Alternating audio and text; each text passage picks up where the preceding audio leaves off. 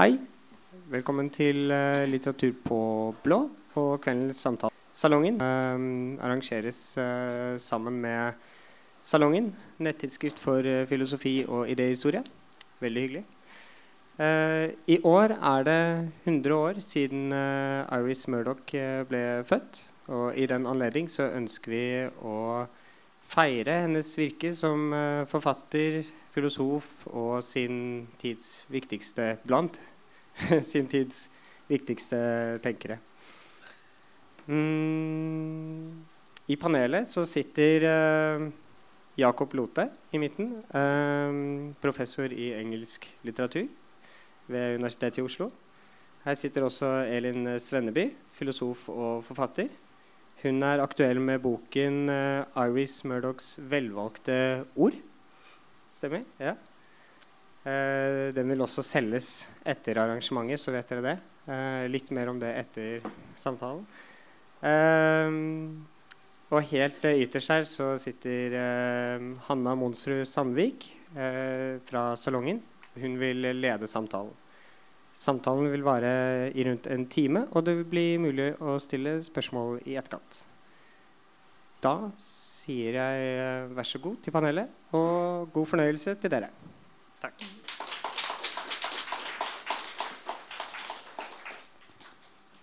Hallo, hyggelig å se så mange her. Um, anledningen for kveldens samtale er da at det var 100 år siden forfatteren og filosofen Iris Murdoch ble født. Og det syntes vi fortjente en feiring. Uh, så et mål for kvelden er å si noe om hvem hun var, hva hun tenkte, og hvilken betydning hennes tenkning har i dag. Eh, men mer konkret så er planen å belyse det mellom, gjennom å snakke om eh, forholdet mellom filosofi og fiksjon hos Murdoch. Eh, for Murdoch er kanskje en av få som hadde suksess både som filosof og forfatter. Hun utga ikke mindre enn 26 romaner, omtrent dobbelt så mange filosofiske artikler. Og hun underviste i filosofi i Oxford og i London. Men selv om Murdoch altså hadde en fot i hver leir, Eh, så var hun opptatt av å holde filosofien og litteraturen atskilt fra hverandre. Eh, samtidig så var hun både som filosof og forfatter egentlig opptatt av ganske mange av de samme tingene. Eh, og innenfor begge disipliner utforsker hun spørsmål som hva det gode er, hvordan moralske verdier blir til, hvordan vi kan forbedre oss moralsk, og hvordan vi skal forstå forholdet mellom språk og virkelighet. Så det andre målet for kvelden er å prøve å forstå Eh, noe om hva Murdoch tenkte om filosofi og om litteratur, og forsøke å svare på følgende spørsmål. Hva kan, filosofi, hva kan filosofi som litteraturen ikke kan? Og hva kan litteraturen som filosofien ikke kan? Eh, samtalen i dag tar utgangspunkt i to tekster av Murdoch. Eh, romanen eh, 'The Sacred and Profane Love Machine' og den filosofiske essaysamlingen 'The Sovereignty of Good'. Eh, vi skal starte med å snakke om romanen. Og så skal vi forsøke å pakke ut i alle fall noen av de sentrale ideene fra essaysamlingen. Og se om de kanskje kan hjelpe oss å forstå romanen. Eller kanskje bli omvendt. Før vi prøver å si noe om forholdet mellom filosofi og fiksjon helt til slutt. Eh, men først, eh, Elin. Du har jo akkurat utgitt den første samlede fremstillingen av Murdochs forfatterskap på norsk. Og så kan jeg også nevne at den blir solgt med rabatt for anledningen. så det her er det bare å... Ja. kan du si noe om hvem Murdoch var, og hvorfor hun har blitt en viktig tenker for deg? Det er et veldig stort spørsmål. da. Hører dere meg godt? Uh, Murdoch uh, er, ble født i Dublin av, engelske, eller, av irske foreldre. unnskyld, Men levde hele sitt liv i, i England og med London som hovedbasen. Um, hun eh, var en, eh, et enebarn uh, som hadde en uh, veldig omsorgsfull uh, far og mor. Og hun lærte f.eks. kristne barnesanger, og sånn, så hun ble oppdratt i den kristne tro. Men hun sa seinere at det var svømming som var, nei, som var familiens religion. Hun var veldig glad i å, å, svømme og friluftsliv og i det hele tatt. Og hun sa at eh, familien var som en, uh, den hellige treenighet. Det var liksom en veldig nær, nært forhold mellom uh, mor og far og Aris. Du får inntrykk av at det er veldig ålreit forhold, for å si det sånn. Mm. Og så ble hun sendt på kostskole i Bristol, og der møtte hun bl.a. Indira Gandhi, som gikk samtidig. Mary Midgley, som også er en stor eh, kvinnelig engelsk eh, filosof. Uh, Philippa Foot, som også ble en uh, studiekamerat seinere i Cambridge. Uh, og så kom hun da med veldig gode karakterer. Hun ble, var tidlig flink til å skrive stiler stilen hennes ble lest høyt i klassa til akklamasjon. Og, og, eh, hun skjønte vel egentlig at hun hadde lyst til å drive med noe sånt. Så, men eh, hun ble også veldig opptatt av filosofi og studerte filosofi og klassikerne i eh, Cambridge og um, Oxford. Um, og var stipendiat en periode og fikk da etter hvert stilling som um, som forsker og filosof i Oxford. Men hun hadde også et veldig sosialt engasjement og var noen år også medlem av kommunistpartiet for å vise Hitler hvor hun sto en, sto en som hun sa. Hun var en veldig frittalende Madonna bolsjevika, som hennes gode venn Frank Thomsen kalte i en dikt. Mm.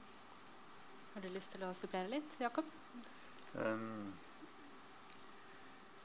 nei, det er jo helt, helt riktig alt. Ja. Og en, en fin innplassering av uh, Murdoch i den britiske tradisjonen etter krigen og utover.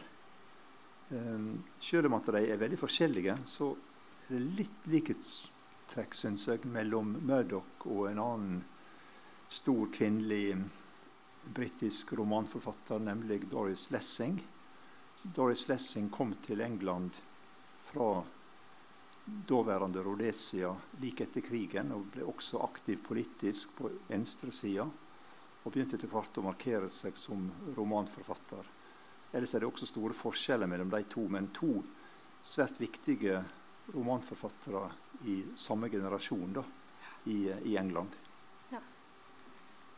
Um, men hvis vi skal bevege oss over til å snakke litt om romanen, vi hadde jo en liten mailrunde på forhånd da vi prøvde å finne ut hvilken av romanene vi skulle ta utgangspunkt i. Det er jo som nevnt mange. Uh, og da var det ditt forslag Jakob, å velge akkurat denne. Kan du fortelle litt om hva den handler om, og hvorfor du valgte den? Uh, ok, jeg kan prøve. Det er jo litt tilfeldig, da. Fordi at hun har skrevet så mange viktige romaner, som Elin sa, 26, vel? Mm -hmm. Like er, mange som bokstavene i det engelske språk. Ja. Ja, Det er en god sammenlikning. Vel uvanlig stort forfatterskap og mange gode. Eh, denne romanen her har jeg tilfeldigvis skrevet om sjøl og blitt veldig opptatt av den. Men det er jo også mange andre som vi kunne ha tatt. da. Vi fant likevel ut at det var kanskje best å, å samle oss litt om, om én. Og kanskje jeg bare skal si bitte litt om hva den handler om, ja, som, et, som, et, utgangspunkt. Tittelen er ganske merkelig. Det er en veldig merkelig tittel. Enkelte ville kanskje si en dårlig tittel. 'The Sacred and Profane Love Machine'. Altså den, den hellige og den verdslige kjærlighetsmaskinen. Um, men uh, tittelen gir faktisk god mening når du begynner å lese og har lest boka ferdig, eller romanen ferdig. Um, det den handler om, da, er um, ei gruppe personer eh, som bor eh, like utenfor London. Og som ofte hos Murdochs er det personer fra hva skal vi si, øvre middelklasse. Det er viktig, fordi det, det, er nok materielt sett privilegert ofte hos Murdoch. I hvert fall den ene familien. Iallfall den ene familien. Ja, ja. Og, og, nettopp den ene er det. Og det er litt viktig for hva de er opptatt av. da. Så det er da en, eh, en eh, psykoterapeut som heter Blaise. Han bor sammen med kona si, Harriet, og eh, sønnen deres, som er tenåring og heter eh, David, eh, like utenfor London, som sagt. Da. Og denne eh, Blaise han har hatt et forhold med ei annen kvinne som heter Emily, eh, uten at kona hans vet om det. Og Det har pågått i mange år, og de har sammen en uh, sønn som heter Luka. Um, han er vel åtte år når eh, romanen han begynner? Han er åtte år da romanen begynner, ja. Så blir da Bleis um, tvinga til å fortelle kona si om dette forholdet, som han har holdt skjult i mange år. Og uh, han blir veldig overraska over Harriet sin reaksjon. Det kan vi kanskje komme tilbake til. Mm. Eh, og så vingler han da mellom disse to kvinnene. Og han håper å holde fram med å være gift med, med eh, Harriet. mm -hmm. samtidig som han ikke vil gi opp forholdet til Emily. Så blir han da tvinga av Emily, ikke av Harriet, som du kanskje skulle tro, men av Emily, elskerinna, så blir han tvinga til å velge. Da forlater han Harriet, og eh, der oppstår da ei krise, da kan vi si, i, i plottet. Eh, Harriet hun tar da kontakt med en felles venn som heter Monty.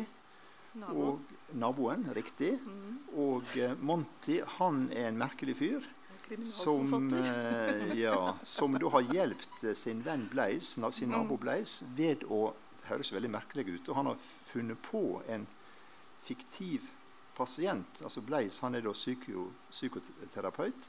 Funnet opp en fiktiv pasient eh, som da eh, gjør, det, gjør det nødvendig å være borte også Om natta. om natta. Slik at Bleis kan da eh, besøke si elskerinne uten at kona veit det. Kan jeg bare skyte inn der? Ja. ja fordi at Harriet blir jo veldig glad i denne Magnus Bowles, som han heter. da, Den Hun det. fiktive. Det. Og det er jo noe av det forferdeligste som ligger som en sånn understrøm gjennom hele romanen. Det at hun blir både lurt eh, Altså hun blir lurt på så mange plan. Det var, det var veldig fint du sa. For noe Ja. av det som er jeg synes, eh, fryktelig godt, da, som Murdoch får veldig godt til, det er at hun viser hvordan måten som da denne ektemannen som, som lurer henne, som bedrar henne, han framstiller da denne oppdikta pasienten, klienten, så godt overfor kona si at hun ikke bare tror på han, men faktisk blir veldig glad i en oppdikta person. Altså en, en dobbelt oppdikta person, en oppdikta person innenfor fiksjonen, kan vi si. Så ganske langt ute i teksten skjer, skjer noe veldig dramatisk, som iallfall jeg ble veldig overraska over, men, så, men som jeg egentlig også, spesielt, spesielt når jeg leste romanen om igjen, syns var egentlig veldig godt forberedt. For hun, Harriet, som da blir lurt, og som da må leve med denne mannen som har elskerinne. Hun blir eh, forståelig nok da, gradvis mer og mer fortvila. Og så tar hun da Luca, altså sønnen til, eh, til Blaise og Emily.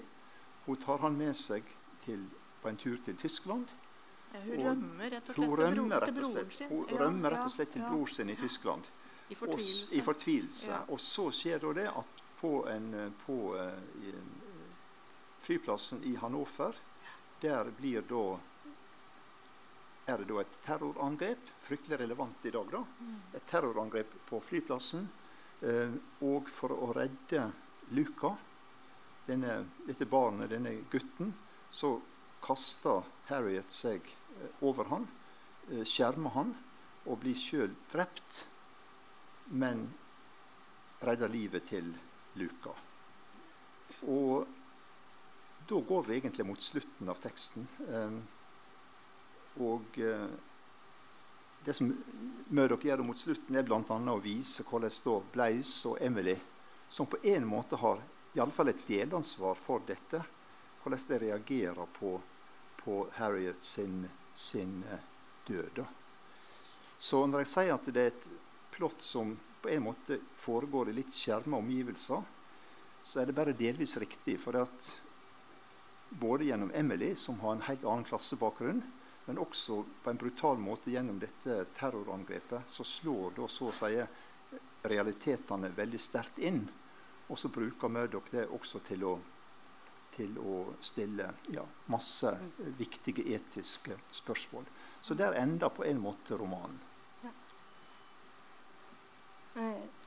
Så, det dere beskriver nå, det var noe som det tok meg litt lang tid å venne meg til da jeg først begynte å lese Murdoch. For, det er alltid, for det første så er det alltid et veldig stort persongalleri. Eh, karakterene hennes er ofte ikke så veldig sympatiske, og de havner alltid i helt sånn ville, absurde situasjoner. Og det går utover uh, andre på fatale måter. Og man blir liksom sånn frustrert, og absurditeten i det er bare så voldsom. Uh, så jeg lurer på om dere kan si noe om den skrivestilen hennes. Um, ja. Uh, jeg tenkte jeg hadde lyst til bare å kommentere ja. til deg først. Altså, litt, uh, fordi at Jeg syns ikke det slutter der som du slutta nå. Okay. Uh, for det er ganske mye diskusjon eh, mellom Monty og Edgar, altså filosofen Edgar eh, de Bernay, som er eh, også veldig viktig her mot slutten. Og så mm. må vi ikke glemme David, som jo er den som åpner hele romanen, og Luca. Altså Det er de to guttene som er halvbrødre. da. Altså Romanen begynner med 'Gutten var der igjen i kveld', og, og, gutt, og hundene eh, bjeffet ikke, mm. tenker David. Eh, hundene, det er Harriets syv hunder. For hun, med, hun er jo veldig mye alene, da, som, som Jakob eh, forklarer her. Altså, han er jo og ser disse pasientene sine, og så er han jo veldig mye hos han eh, Magnus Bolts eh, slash Emily McHugh.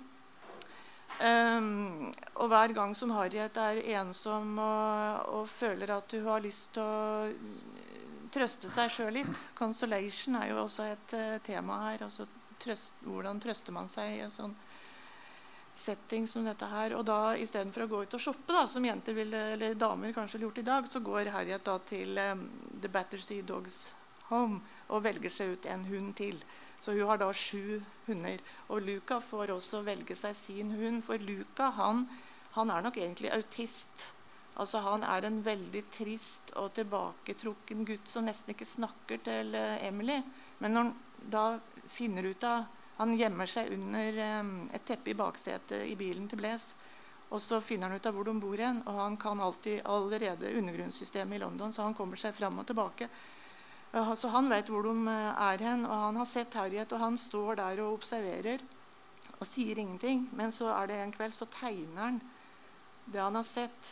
Og da skjønner Emily at uh, han har oppdaga Harriet, og da er det da det, tampen begynner å brenne. Liksom. Mm. Så er, Luca har også en veldig viktig Eh, ja. Eh, han er en veldig viktig karakter. Og som du sa, det med at, eh, at på slutten Eller det som blir veldig eh, fryktelig, da, det er måten han blir behandla på etter at Harriet er død. Han, for han blir jo da brakt hjem igjen til England og til sine egentlig foreldre, da, Blaise og Emily, som da egentlig bare vil ha han inn på en institusjon fordi han er blitt enda mer traumatisert og autistisk enn han var. Og da mm som du sa til meg, da blir den jo også kalt it. Altså det. det er, ikke en han engang. Liksom. Så det er også noe av det veldig umoralske da, i forholdet mellom Blaise og Emily. Mm. Men du stilte et annet spørsmål, Anna. Ja, jeg kan, kan jeg, jeg, jeg, prøve å si litt om det. Ja. Altså, du spurte om dette med skrivemåten til mm. Murdoch. Um, hun, skriver, altså, hun, hun skriver på forskjellige måter, men ofte så bruker hun det som jeg kaller skal ikke, skal ikke bli for teknisk, da, men jeg, jeg kaller det en en forteller, en tredjepersonsforteller, som da hun plasserer utafor handlinga. Og det gjør at hun kan introdusere og egentlig framstille disse forskjellige personene sine med ganske stor distanse. Mm. Og så gir hun dem ulike kvaliteter eh, som er knytt til bl.a. filosofien som hun har.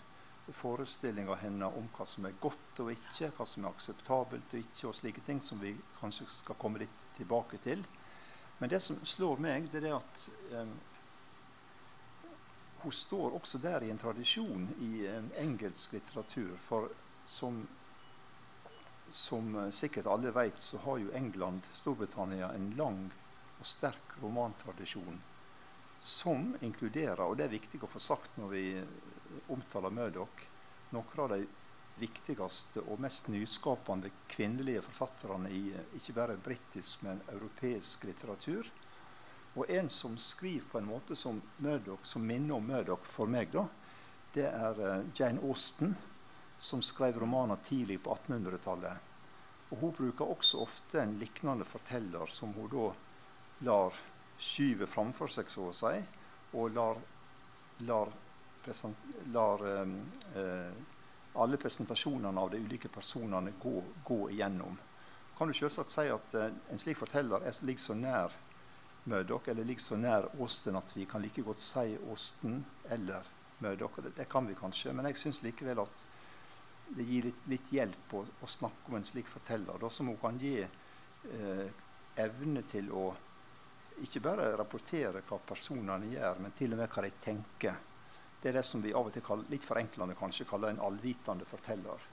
Og Det betyr at vi kommer veldig nær innpå personene, men hun tegner ikke nødvendigvis et sy sympatisk bilde av dem. Og sjøl de som på en måte kan virke sympatiske, har sine svakheter. Absolutt. Og for så vidt også iallfall delvis omvendt. Mm. Og dermed så kan hun overraske oss også i persontegninga si utover i romanen. Ja. Mm. Du hadde lyst til å kommentere det, Elin? Uh, ja, nei, jeg tenkte at uh, hun, hun uh, gir jo også sjøl Jane Austen masse kreditt. Og Henry James. Det er jo mm. de to store Og realismen. Ja. Hun snakker også veldig positivt om Charles, Charles Dickens, f.eks. Ja. Ja. Mm.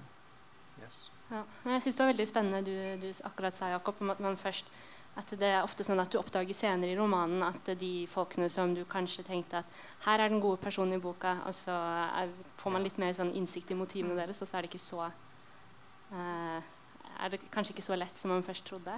Nettopp. Ja, jeg syns det. Ja. Av, og til, av, og til kan, det mest virke som f.eks. når det gjelder Blaise, at hun lager en person eller konstruerer en, framstiller en, en person en av hovedpersonene som er så nær sagt motbydelig eller usympatisk som du nesten kan tenke deg. Og så gradvis så Ikke minst, som du Elin sier, etter at, uh, etter at død, uh, unnskyld, at Harriet dør og Luca kommer tilbake igjen fordi at Harriet har redda livet hans, så ser du det at uh, Blaise fremdeles oppfører seg helt merkelig og veldig usympatisk mot uh, Luca eh, til og med bruker et ord som 'it', som jo er helt skremmende.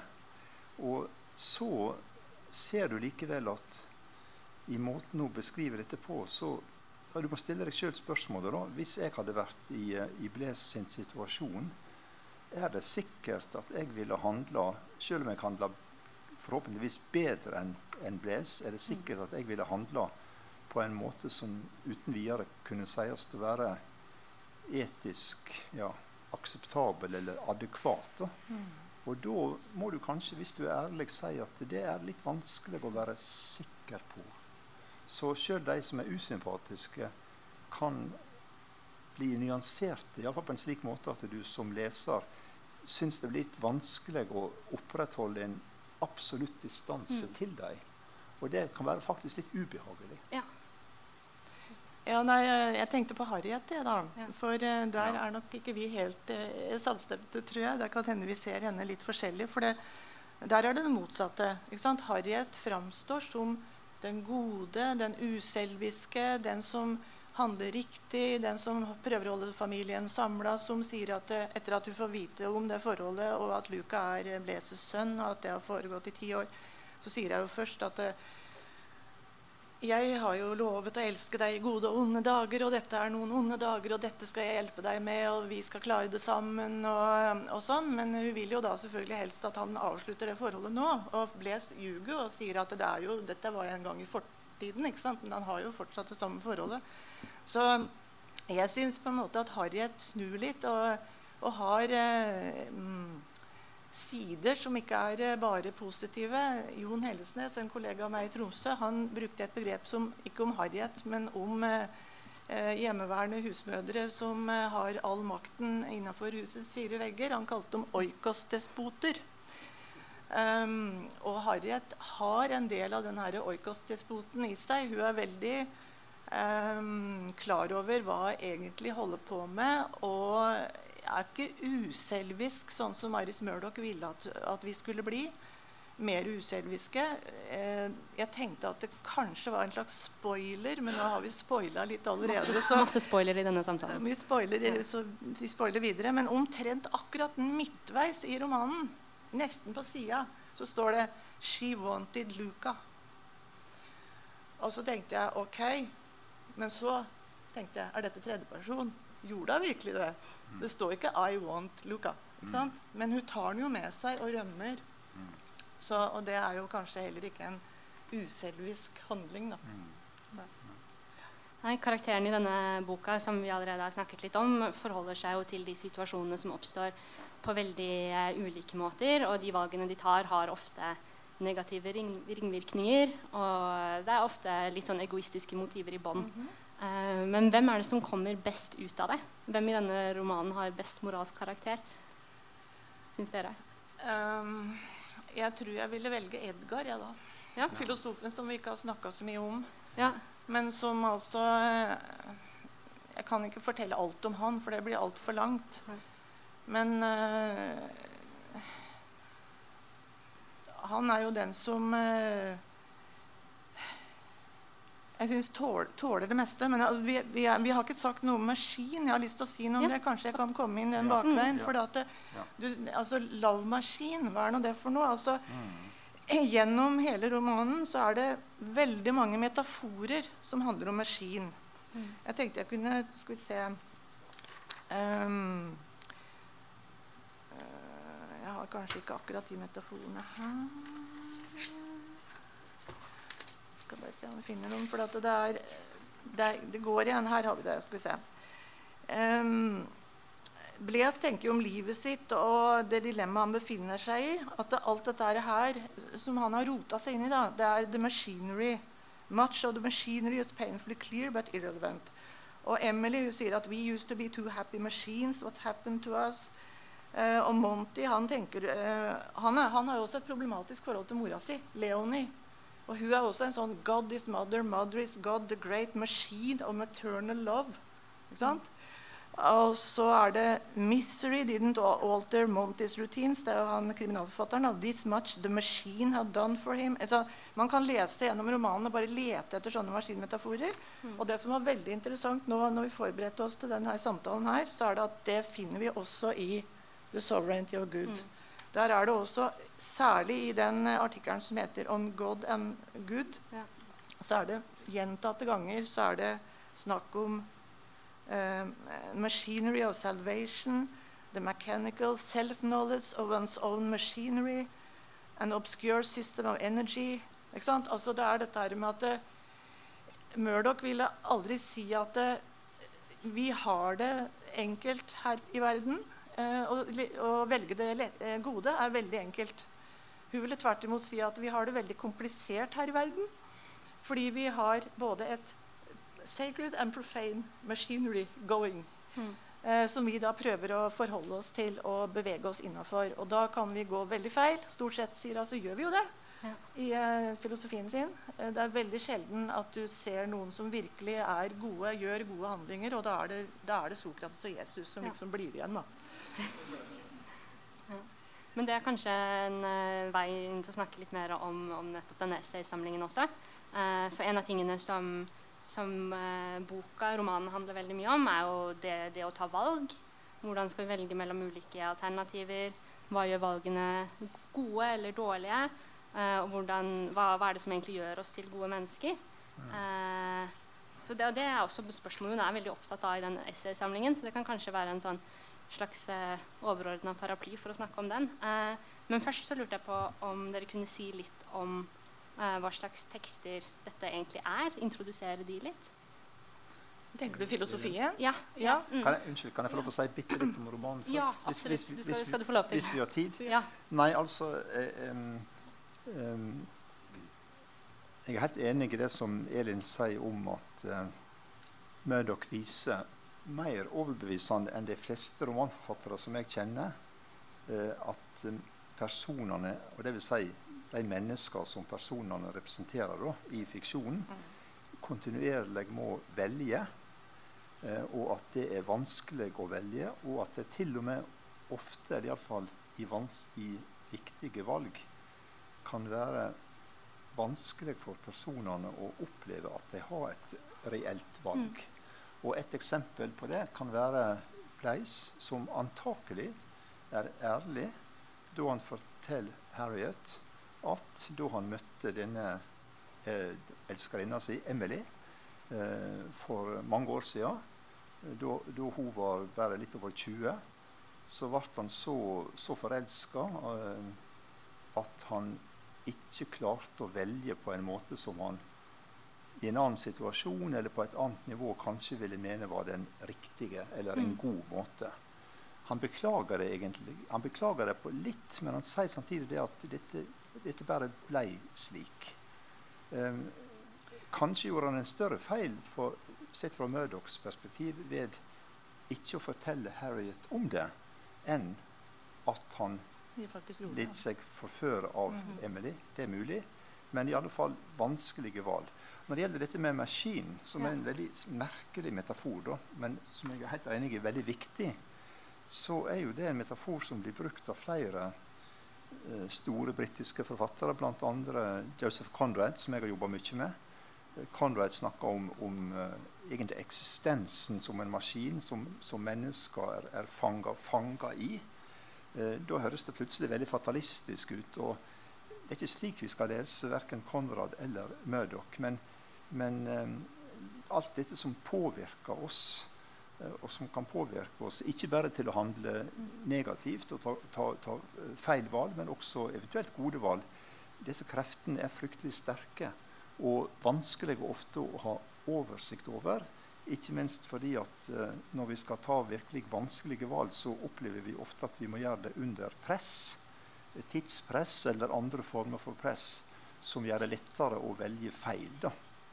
Eh, denne tittelen den er veldig interessant på den måten at den i min utgave av romanen spiller på Dette er vel kanskje forlaget like mye som Murdoch, men i alle fall er det et veldig kjent maleri er av en av de Vi har hver vår halvdel. italienske eh, renessansemalerne som heter Tizian, som heter nettopp den eh, Har samme tittelen som boka, egentlig.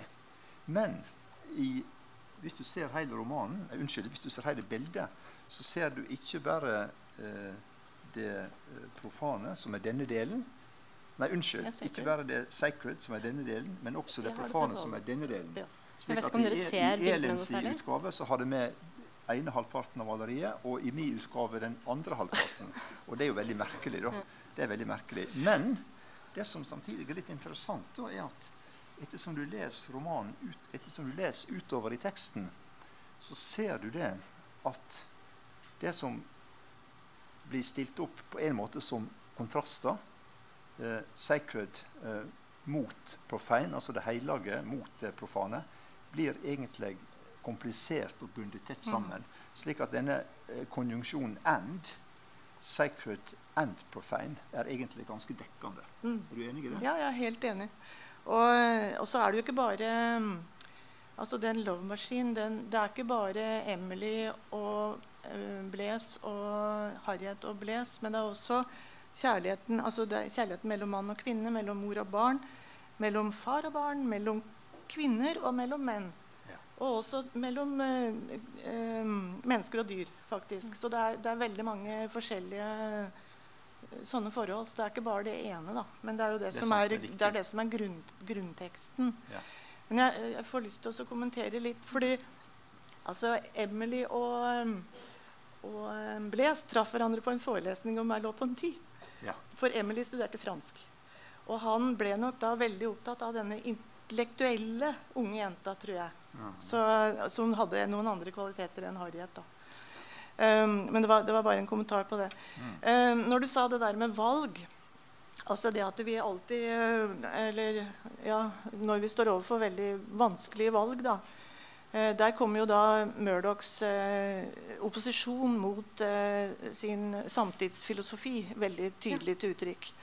For samtidsfilosofien, som hun kaller 'the current view', altså det som liksom alle tok for gitt innenfor filosofifaget, det var at eh, det å velge det var noe vi liksom gjorde helt fritt. Eh, og skulle gjøre helt fritt. Eh, uavhengig, altså frihet mot uavhengig, eh, som uavhengighet. Men så sier Murdoch men det hjelper oss jo ikke i de situasjonene som vi virk, står overfor helt grunnleggende eksistensielle valg. Da hjelper det ikke å velge som om det var mellom majones og kaviar eller et eller annet annet sånn eh, vareutvalg, som man sier. Da må vi ha en helt annen type moralsk eh, eh, buffer for å kunne foreta eh, rasjonelle eller gode valg da, i en sånn situasjon. Og det er der denne boka kommer inn. ikke Ja. sant? For den eh, moralske dygden, kan du kanskje si. Uh, men hun er ikke en dygdsetiker, da, så hun er litt forsiktig der òg, sjøl om hun har sider som går i den retning. Men uh, vår moralske kvalitet den er noe som vi må holde på med hele tiden. Um, og vi kan hele tida bli bedre. Hun har jo et, en um, kommentar til bibelsitat, eh, bibelstedet der det står 'Be ye therefore perfect'. Og så kommenterer da um, Iris Murdoch med litt sånn um, tongue in cheek, som det heter på engelsk. Kanskje det hadde vært bedre å si dere kunne kanskje bli bitte lite grann bedre. Altså, ja. Men vi veit liksom Vi veit egentlig hvor retningen er hen. Vi veit hva det er som er, er, å være bedre, og vi veit hvem det er som er best. Det hører vi jo på sportssendingene hver dag. At det er noen som er bedre enn noen andre. Og det ligger jo i språket vårt. ikke sant? Så der har også Murdoch en klar sammenheng med dagligspråksfilosofien. Samtidighetens, altså samtidens eh, dagligspråksfilosofi. At god, bedre, best det er en måte vi bøyer et adjektiv. Så det er ikke bare snakk om å bli god, men det er snakk om å bli bedre. Og hvorfor skal vi bli bedre? Jo, fordi da ser vi de andre, og ikke bare oss sjøl. Altså det er uselviskheten som er det viktige. Jeg skal se dine behov, og ikke mine egne. Men nå gikk jeg sikkert litt for langt. Nei, det er kjempefint. Nei, okay. Hun sammenligner det vel også med å lære språk? på et eller annet ja, sted. Ja, og det, og det, knytter jeg også til eh, at det må være autoritet og hierarki, som vi nå ja. syns er helt forferdelig i dag. ikke sant? Så sier Murdoch ja, men det må det jo være, for hvis jeg skal lære et språk, så må jeg jo anerkjenne språkets autoritet, og at det er noen som kan dette språket bedre enn meg. Hvis ikke, så kan ikke jeg lære det sjøl. Mm. Ja. Basta. og det er det som ligger i eh, både Sovereignty of Good' altså den, het, den, tredje artikkelen heter egentlig 'The Sovereignty of Good over Other Concepts'. Ja. Altså over andre begreper. Det er veldig viktig. Men den første, den boka her da, den består av tre artikler som er satt sammen. The idea of perfection, altså perfeksjonens idé, eller det å bli bedre, den handler om progress. Mm. Altså det å bli bedre, gjøre verden bedre. Mm. Og så har du On God and Good, som handler mer om metaforen. Og Sovereignty of Good kan vi sikkert komme tilbake til. Men det der med at vi, vi har alltid muligheten til å bli bedre. Men da må vi jo kvalifisere hva betyr det da. Være bedre. For å, for å, komme litt tilbake til det du snakket om, eh, det å bli mer uselvisk, ja. så har hun jo et eh, sånn eh, sitat midtveis i denne essaysamlingen som kanskje kan stå som en slags oppsummering av moralfilosofien hennes. Og det er In the moral life, the enemy is the fat, relentless ego. Eh, det er også det hun kaller det fete, nådeløse egoet, som er vårt største hinder for å kunne leve et moralsk liv. Kan dere fortelle litt om hva, hva hun legger i det? Ja, altså vi er jo, uh, Hun sier at hvis moralfilosofien og den politiske tenkningen også for så vidt i dag skal kunne forbedres, så må vi ta inn både Freud og Marx. Dette sier hun da eh, på 60-tallet. Eh, og Freud han hadde jo en eh, teori om menneskets sjel som sammensatt av id, ego og superego. Og det er klart at Ego for Murdoch er ikke noe som vi skal gi slipp på. Altså, vi, vi, må jo være egoister, og vi er fødte egoister. men vi kan bli egoister på en dårlig måte og på en god måte. Altså, vi har alltid muligheten til å utvikle eh, laster, og vi har muligheten til å utvikle dygder. Og hvis vi skal bli bedre, altså hvis dette ego som vi jo må være, skal kunne bli bedre, så trenger vi å omgås verdifulle ting. Mm. Og de verdifulle ting som Murdoch da legger spesielt vekt på, det er dydige mennesker, altså andre mennesker som vi ser opp til. Stor kunst, skjønnheten i naturen, ikke minst. Og sier jeg kanskje det godes idé som sådant, men hun sier da at det, i parentes at det er ikke sikkert at det er alle som henger med her. da. For der må vi kanskje bli platonister og forstå Platons lignelser i staten. og sånn, Så det er, går litt for langt i kveld. Men eh, det er bare å begynne å lese Platon, sier Murdoch. Og Simone Weil. Ja, for det, da kommer vi litt inn på det begrepet om uh, oppmerksomhet, som er et begrep som hun, hun låner direkte fra Simone Weil. Ja. Kan, kan, du si noe om det begrepet også? Ja, jeg, jeg, kan gjerne si litt litt. Jeg er ingen Weil-ekspert. Men det er jo veldig interessant og viktig at Murdoch knytter an til, til um, Platon, som vi har hørt allerede, men også til Simone Weil, som er en kvinnelig filosof som ikke så ofte har vært vist til og diskutert i, i, i den engelske tradisjonen, er det riktig å si. Hun var i det hele tatt veldig uredd og original i uh, sine filosofiske læresveiner eller uh, ideal, eller de hun så til og lot seg inspirere av, selv om hun ikke alltid var enig med dem. Og bare ble noen og 30 år. Det skal vi også ta med her. Ja, nettopp. Oppmerksomhet er jo et veldig viktig begrep hos uh, Murdoch. Og det knytter an til det som Elin er inne på med at når vi gjør, gjør noe, eller kanskje rettere, rettere, sagt streber imot, eller forsøker å nærme oss, nærme oss noe som vi oppfatter som godt, så er det, eller det gode, så er det ofte, om ikke alltid, knytt til de mennesker som vi har eh, rundt oss, og som vi i praksis har mulighet for å kanskje gjøre noe godt imot. Og da kan en del av det være å vise dem oppmerksomhet, eh, vise ekte interesse for dem, og kanskje også hjelpe eller støtte, eller i alle fall eh, ha en retning på det vi sjøl gjør, det å prioritere som ikke bare, selv om at hun er realistisk og det at vi er egoistiske, det, det anerkjenner Murdoch og ser det som, som ufrakommelig, og kanskje også en del av det å være menneske, men at vi likevel klarer å så å si forsøke å gripe utover det, innrette handlingene våre utover det mot, mot, mot andre. Og i den bevegelsen, som ikke er perfekt, og som kanskje ikke når fram, så kan det ligge en form for retning og prioritering som hun sett, vurderer veldig høyt. da. Ja, og det er, jo det, som, det er jo der hun særlig går i klinsj mot eh, de som mener at eh, moralen handler om synbare handlinger. For hun sier at eh, også tankene våre er jo handlinger. Og vi forbereder handlingene våre på måten vi tenker på. Og den oppmerksomheten vi skal vise, den skal være just and loving. Altså rettferdig og kjærlig. Eh, sånn at vi ser noen i eh, så godt lys som mulig. Da. Og der har jeg jo et veldig kjent eksempel som kalles MD, altså M og D. Eh, og det er svigermora som først ser svigerdattera si som Ja, hun er altså Jeg lurer på om jeg hadde noen sånne kan si her også, Hun tenker da til sønnen, sønnen hennes hun, Dette her er jo en pen familie, men hun, hun, hun sier ingenting. Men alt, alt foregår inni hodet på svigermor. Sønnen min har gifta seg med a silly vulgar girl. Eller en blondine, ville vi kanskje si i dag. da. God, godhjerta, ikke akkurat simpel, men absolutt uten manerer og stil. Hun er tilbøyelig til å være nesvis og intim, ikke formell nok. Brysk, noen ganger rett og slett uhøflig og alltid ungdommelig inntil det kjedsommelige.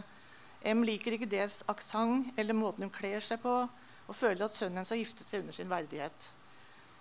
Men så sier uh, Murdoch da, la oss for eksempelets skyld um, tenke oss at svigermor likevel oppfører seg pent mot uh, sin svigerdatter og ikke lar sin egentlige mening syns på noen slags måte. da.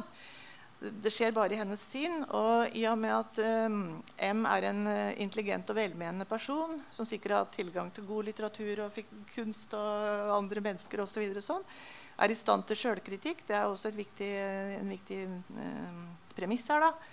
Og også er i stand til å justere oppmerksomheten sin mot det. Så tenker hun etter en stund Ah, kanskje jeg er gammeldags og konvensjonell. Kanskje jeg er fordomsfull og trangsynt. Ja, kanskje jeg er snobbete. Jeg er iallfall sjalu. La meg se nærmere etter. Altså, dette er selvrefleksjonen som, da, mm. som er en unselfing. Da. Nå, nå må man konsentrere seg om det. Og nå oppdager jeg da at det er ikke vulgær, men forfriskende enkel. Ikke uverdig, men spontan. Ikke bråkete, men munter. Ikke ungdommelig inntil det kjedsommelig, men herlig ungdommelig osv. Og, og da er da spørsmålet var dette en moralsk handling. Og det er det Murdoch vil at vi skal tenke, oss, tenke på. Og hele tida, både når vi leser Murdochs filosofi og romaner, så er det egentlig leseren hun henvender seg til, som skal tenke gjennom, som du sa i stad, Jakob. Mm. Hvordan ville jeg ha reagert og oppført meg i en lignende situasjon? For det eksempelet kan jo nesten minne litt om det Harriet hvert fall prøver å gjøre i romanen. At hun også prøver jo eh, å, å, henrette, å, sette oppmerksomheten sånn at hun skal handle riktig og rettferdig. Men så er det ikke bare lett, det heller. Så jeg vet, vet ikke om hun lykkes, men det er i hvert fall den øvelsen, kan, kan, kan man kanskje si. da. Øvelsen har, eh, altså Det er viktig å lykkes, iallfall inntil i en viss grad. Men samtidig så har også forsøket en egenverdi hos, uh, hos Ja. Murdoch. Og til og med disse refleksjonene som Elin snakker om, har også en egenverdi. Det er også en form for aktivitet som kan som i dette tilfellet du Mm. nevnte, da, som er veldig, veldig godt og veldig illustrerende, så kan, det, så kan det faktisk også føre til en annen eller mer nyansert holdning, mer Mm. positiv holdning, som igjen i neste omgang kan føre til et eh, justert handlingsmønster eh, overfor, overfor eh, denne personen. Så for meg så er Murdoch det som jeg liker å kalle en, en etisk eh, forfatter. Hun stiller etiske spørsmål, altså spørsmål om verdier og hva som er viktig og ikke. Ikke på den måten at hun blir moraliserende på ingen som helst måte. Og personene hennes gjør ting som mange av oss ville bli ganske rysta over. F.eks. han godeste Bleis i eh, den romanen vi bruker som eksempel i kveld. da. Men hun stiller spørsmål som tvinger fram refleksjon hos personene i første omgang, eh, gjennom fortelleren, og også veldig viktig gjennom eller i leseren. Og disse refleksjonene har en slags egenverdi hos Murdoch, fordi at hun, hun vil på en måte to ting. Hun vil, hun vil få oss til å bli mer usikre på en del ting som vi kanskje har følt oss sikre på. Men så vil det også få oss til å bli mer sikre på ting vi kanskje ikke regner som viktig. altså en slags omprioritering eller bearbeiding. Og hele tida på vei framover mot det som hun litt abstrakt og vanskelig kaller det gode. Som innebærer, for meg i alle fall, som et veldig viktig sånn, konstituerende trekk. Da, det å bety noe for de som er rundt oss, i, i positiv forstand. Og det som kan virke lite, er ikke alltid lite, slik Murdoch ser det. For den personen det gjelder, kan det faktisk bety mye mer enn vi eh, er klar over. Det var veldig fint sagt. Ja. Jeg tenker også at uh, det ligger en annen dimensjon her òg. Vi har jo ikke tid til å snakke om alt. Men det ligger en dimensjon av, av en, en enda sterkere appell til leseren, egentlig. Altså, du sitter Jeg har lest den her om igjen nå. Ble ferdig i går. Uh, og helt sånn på slutten der så har jeg følelsen av at det, Å ja, det er jeg som har skrevet denne romanen her. Ikke sant? Altså, hun, hun, hun kaster liksom eh, tvil over forfatteren Ja. sjøl. Og der har han noe felles med en annen forfatter som vi to er også litt interessert i. Kan vi nevne han? Ja, selvsagt. Uh, hvem var det du tenkte på nå? Jeg tenker på Ian McEwan. Altså det at ja. du liksom Du er så, blir så glad i disse her karakterene. ikke sant? Og hva skjer nå? Hva gjør Monty? Og sånn, så Å nei, han var jo bare en romanfigur. Ja, men altså, å ja, nei, Da må jeg tenke videre. Hva syns jeg egentlig om det han gjorde der? Men ligner han egentlig på noen jeg kjenner? Ok, Så går jeg liksom ut i verden, og så OK, den gjorde en forskjell. Så. Ja. Det er stor litteratur. Kan, kan jeg få lov å si bitte litt om uh, McEwan? Ja. Eller, eller, eller Murdoch sin betydning for McEwan. Altså, Iris Murdoch eh, hun er jo ikke ukjent i Norge eller i Skandinavia. Kanskje mer kjent i Norge enn i, du mente, i, enn, i Danmark og Sverige. Eh, for iallfall en del av romanene er omsatt til norsk. da. Ja, nei, Det er omsatt til svensk og dansk òg. Romanene. Oh, ja. Ja, det er Ja filosofien som ikke er Filosofien, eh, ok, ok. Den er ikke Jeg skjønner. Men i alle fall så står hun i en som vi allerede var inne på, i en rik og lang britisk romantradisjon eh, som inkluderer noen av de fremste kvinnelige forfatterne, ikke bare i England, men i Europa. Jeg har allerede nevnt Jane Austen, kunne ta med Bronte-søstrene, og ikke minst George Elliot og Virginia Woolf. Og så er hun da i etterkrigsgenerasjonen. Jeg har nevnt Lessing. Men hun er likevel merkelig lite kjent på en måte. Eh, hun har inspirert mange av de som skriver litteratur i England i dag. Eh, Byatt, f.eks. Eh, og yngre forfattere som f.eks. Jane eh, eh, Wilkinson og eh, Unnskyld, Atkinson. Kate Atkinson. Eh, Alice Smith. Men kanskje aller mest Ian McEwan. Og Ian McEwan er jo mye mer kjent i Norge tror jeg, enn Murdoch. Og han ser på Murdoch som sin, ja, en av sine store læremestere. eh, i romankunsten. Og de er også ganske like, eller ikke helt like, men iallfall minner om hverandre i dette at, som Elin er inne på, nemlig at de stiller spørsmål som er jeg vil mene iallfall på ett nivå, eller ofte etiske, i og med at det dreier seg om valg av verdier og konsekvensene både av å velge godt eller riktig, og ikke minst konsekvensene av å velge feil. Som f.eks. i den romanen til McEwan som heter 'Atonement', eller 'Om forlatelse' på norsk, mm. og som også ble en veldig kjent, uh, kjent, film. Jeg tror faktisk den romanen har solgt uh, mange hundre tusen eksemplar. Men McEwan han viderefører Murdoch og er sterkt sterkt inspirert av ja. Iris Murdoch. Ja. Og Den slutter jo også sånn at du skjønner at det egentlig var du som var med å skrive hele boka. um, vi har sagt uh, litt om uh, litteraturen og litt om filosofien, og så har vi lovet at vi skal si noe om forholdet mellom de to uh, også. Og vi har jo vært inne på noen ting som som kan sies å være noen fellesnevnere. Men Murdoch insisterte selv veldig hardt på at dette var to forskjellige aktiviteter som ikke skulle ses i sammenheng med hverandre for hennes vedkommende. I hvert fall. Hvorfor det? Kan vi begynne med å sitere mannen hennes, da, John Bailey. Fordi uh, han uh, visste jo at uh, Iris i, i veldig mange offentlige sammenhenger da nettopp ble spurt om sånne spørsmål, eller stilt sånne spørsmål var veldig klar på at filosofi var filosofi og litteratur var litteratur. Og de to, det var to forskjellige sider ved henne og to forskjellige fag og skulle ikke blandes sammen. Men så sa John Bailey men somehow it came into the novels. um, og det, det, gjorde det vel på den måten som Jakob sa i stad. Altså, moralfilosofiske tanker er der. Men det er ikke i, nei, i litteraturen på en filosofisk måte. Så hvis man begynner å lete etter Nå skal vi finne eksistensialisten. da, skal vi se ja. hvor han er hen. Ja. Eller å nei, der har vi jo en nyplatoniker. Altså Det er ikke filosofi her på den måten. Mm. Uh, det er hennes filosofi. Men så kan man også si det når det gjelder filosofien, så er det også en vei tilbake. Uh, og jeg, I boka mi så kaller jeg det en toveisbevegelse. Altså fra uh, det dagligdagse til det metafysiske og tilbake igjen. Mm. Uh, og hennes Platon går jo begge veier. Mens skoleplatoen går jo bare én vei opp, og så forsvinner den liksom. Sjøl om du ikke kan se mot sola, så blir den liksom på en måte borte. Mens hos Murdoch kommer den alltid tilbake igjen. Og Murdoch sjøl kommer tilbake igjen. Men for Murdoch, når, hvis jeg da skulle være Murdoch og besvare det spørsmålet, så ville jeg sagt noe sånt som at uh, i litteraturen så kan vi vise det partikulære, det enkelte. Uh, spesielle situasjoner. Vi kan gi romanfigurene liv. Vi kan leve oss inn i karakterene. Vi kan bringe inn landskapet. Det har vi ikke snakka noe om, men det er jo masse lyriske landskapsskildringer. Helt fantastiske. Det er blomster, det er dyr, det er kunstverk, det er uh, sanger. Altså Man må sitte med Internett foran seg og slå opp hele tida, for det er så mye referanser hit og dit, og det er så rikt. Alt dette her er, Og så skal du eh, grunnleggende fortelle det Murdoch kalte a jolly good story. Altså Det skal være underholdende, det skal være fortelling som river deg med. Det skal være spennende. Og det er veldig spennende. Det er spenningsromaner.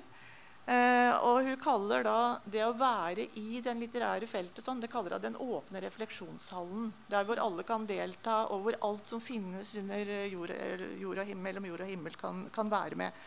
Du kan tulle og ljuge og innbille folk alle mulige ting. og stille, også stille eksistensielle spørsmål uh, som får folk til å stoppe opp og, re og, reflektere. Men det der med at du, du behøver ikke være sannferdig. Og du skal antageligvis ikke være sannferdig når du, når du skriver romaner. Da. Men filosofen må alltid være sannferdig. Filosofen har sin fagtradisjon å forholde seg til, har sine filosofiske forbilder, eh, stiller sine spørsmål innafor en veldig bestemt eh, kontekst. Må være ærlig, forsøke å si sannheten, ikke direkte, men redegjøre for sitt ståsted, sin kontekst, hvilke forbehold leseren skal ta. Begynne på nytt. Være klar over eh, hvilke andre personer som har vært innenfor det samme feltet. vært villige til å ta imot kritikk fra sine fagfeller. Og der sier jeg, I motsetning til den åpne refleksjonshallen for litteraturen, så må ikke filosofen must, The philosopher must not leave any room for the reader. Så Da må du være helt sikker på at dette mener filosofen. Det er ikke sånn at Å ja, var det Heidegger som sa det, men han tulla jo bare. Mm. Så kanskje, det ikke var, kanskje han ikke mente det han sa. Hvis, nå var kanskje det et dårlig eksempel. Men eh, eh, filosofen skal man kunne stole på, da. Mm. Mens eh, romanforfatteren behøver man ikke å stole på. Sånn forstår jeg det. Mm. Nei, altså em, det, Jeg tror det er riktig å si at eh, det er få forfattere som eh, i den grad som Murdoch eh, har kombinert, eller klart å kombinere to forfatterskap på høyt nivå. Et skjønnlitterært og et filosofisk. Det er veldig uvanlig. Den eneste, En av de få jeg kan tenke, tenke på i europeisk litteratur som har klart litt av det samme, det er eh, den franske filosofen Jean-Paul Sartre, Mm. som også skrev romaner og biografier og i det hele Og tatt Beauvoir. skrev vanvittig mye. Og gjerne også ta med Simone de Mm. Beauvoir. Ja. Men det er svært uvanlig.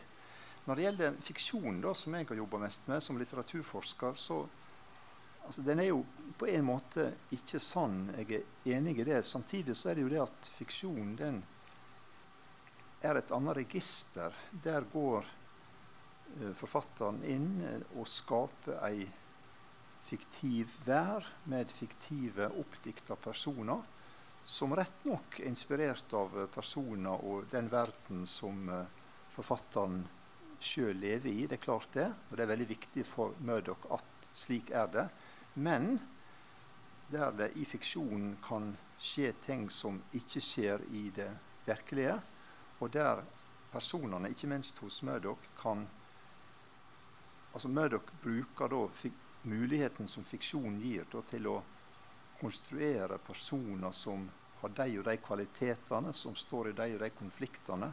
Og slik kan hun ikke illustrere filosofien sin. Det er jeg helt enig med Elin i. Det er ikke slik det foregår. Men hun kan prøve ut i praksis, i en form for livspraksis i fiksjonen, dilemma, spenninger, valg, prioriteringer, konsekvensene av dette på en veldig eh, dramatisk måte som aktiverer leseren, og som leseren kan kjenne seg igjen i hvis det er troverdig framstilt, og det er det veldig ofte hos eh, Murdoch. Når du begynner å lese en roman av Murdoch, så kan det virke som personene er veldig konstruerte. Og de etiske dilemmaene for eksempel, kan også virke konstruerte. Men til mer du leser, til mer troverdig blir det på en merkelig måte. Og mot slutten så er det nesten som du, som Elin sier, sjøl er blitt eh, i alle fall medforfatter av dette.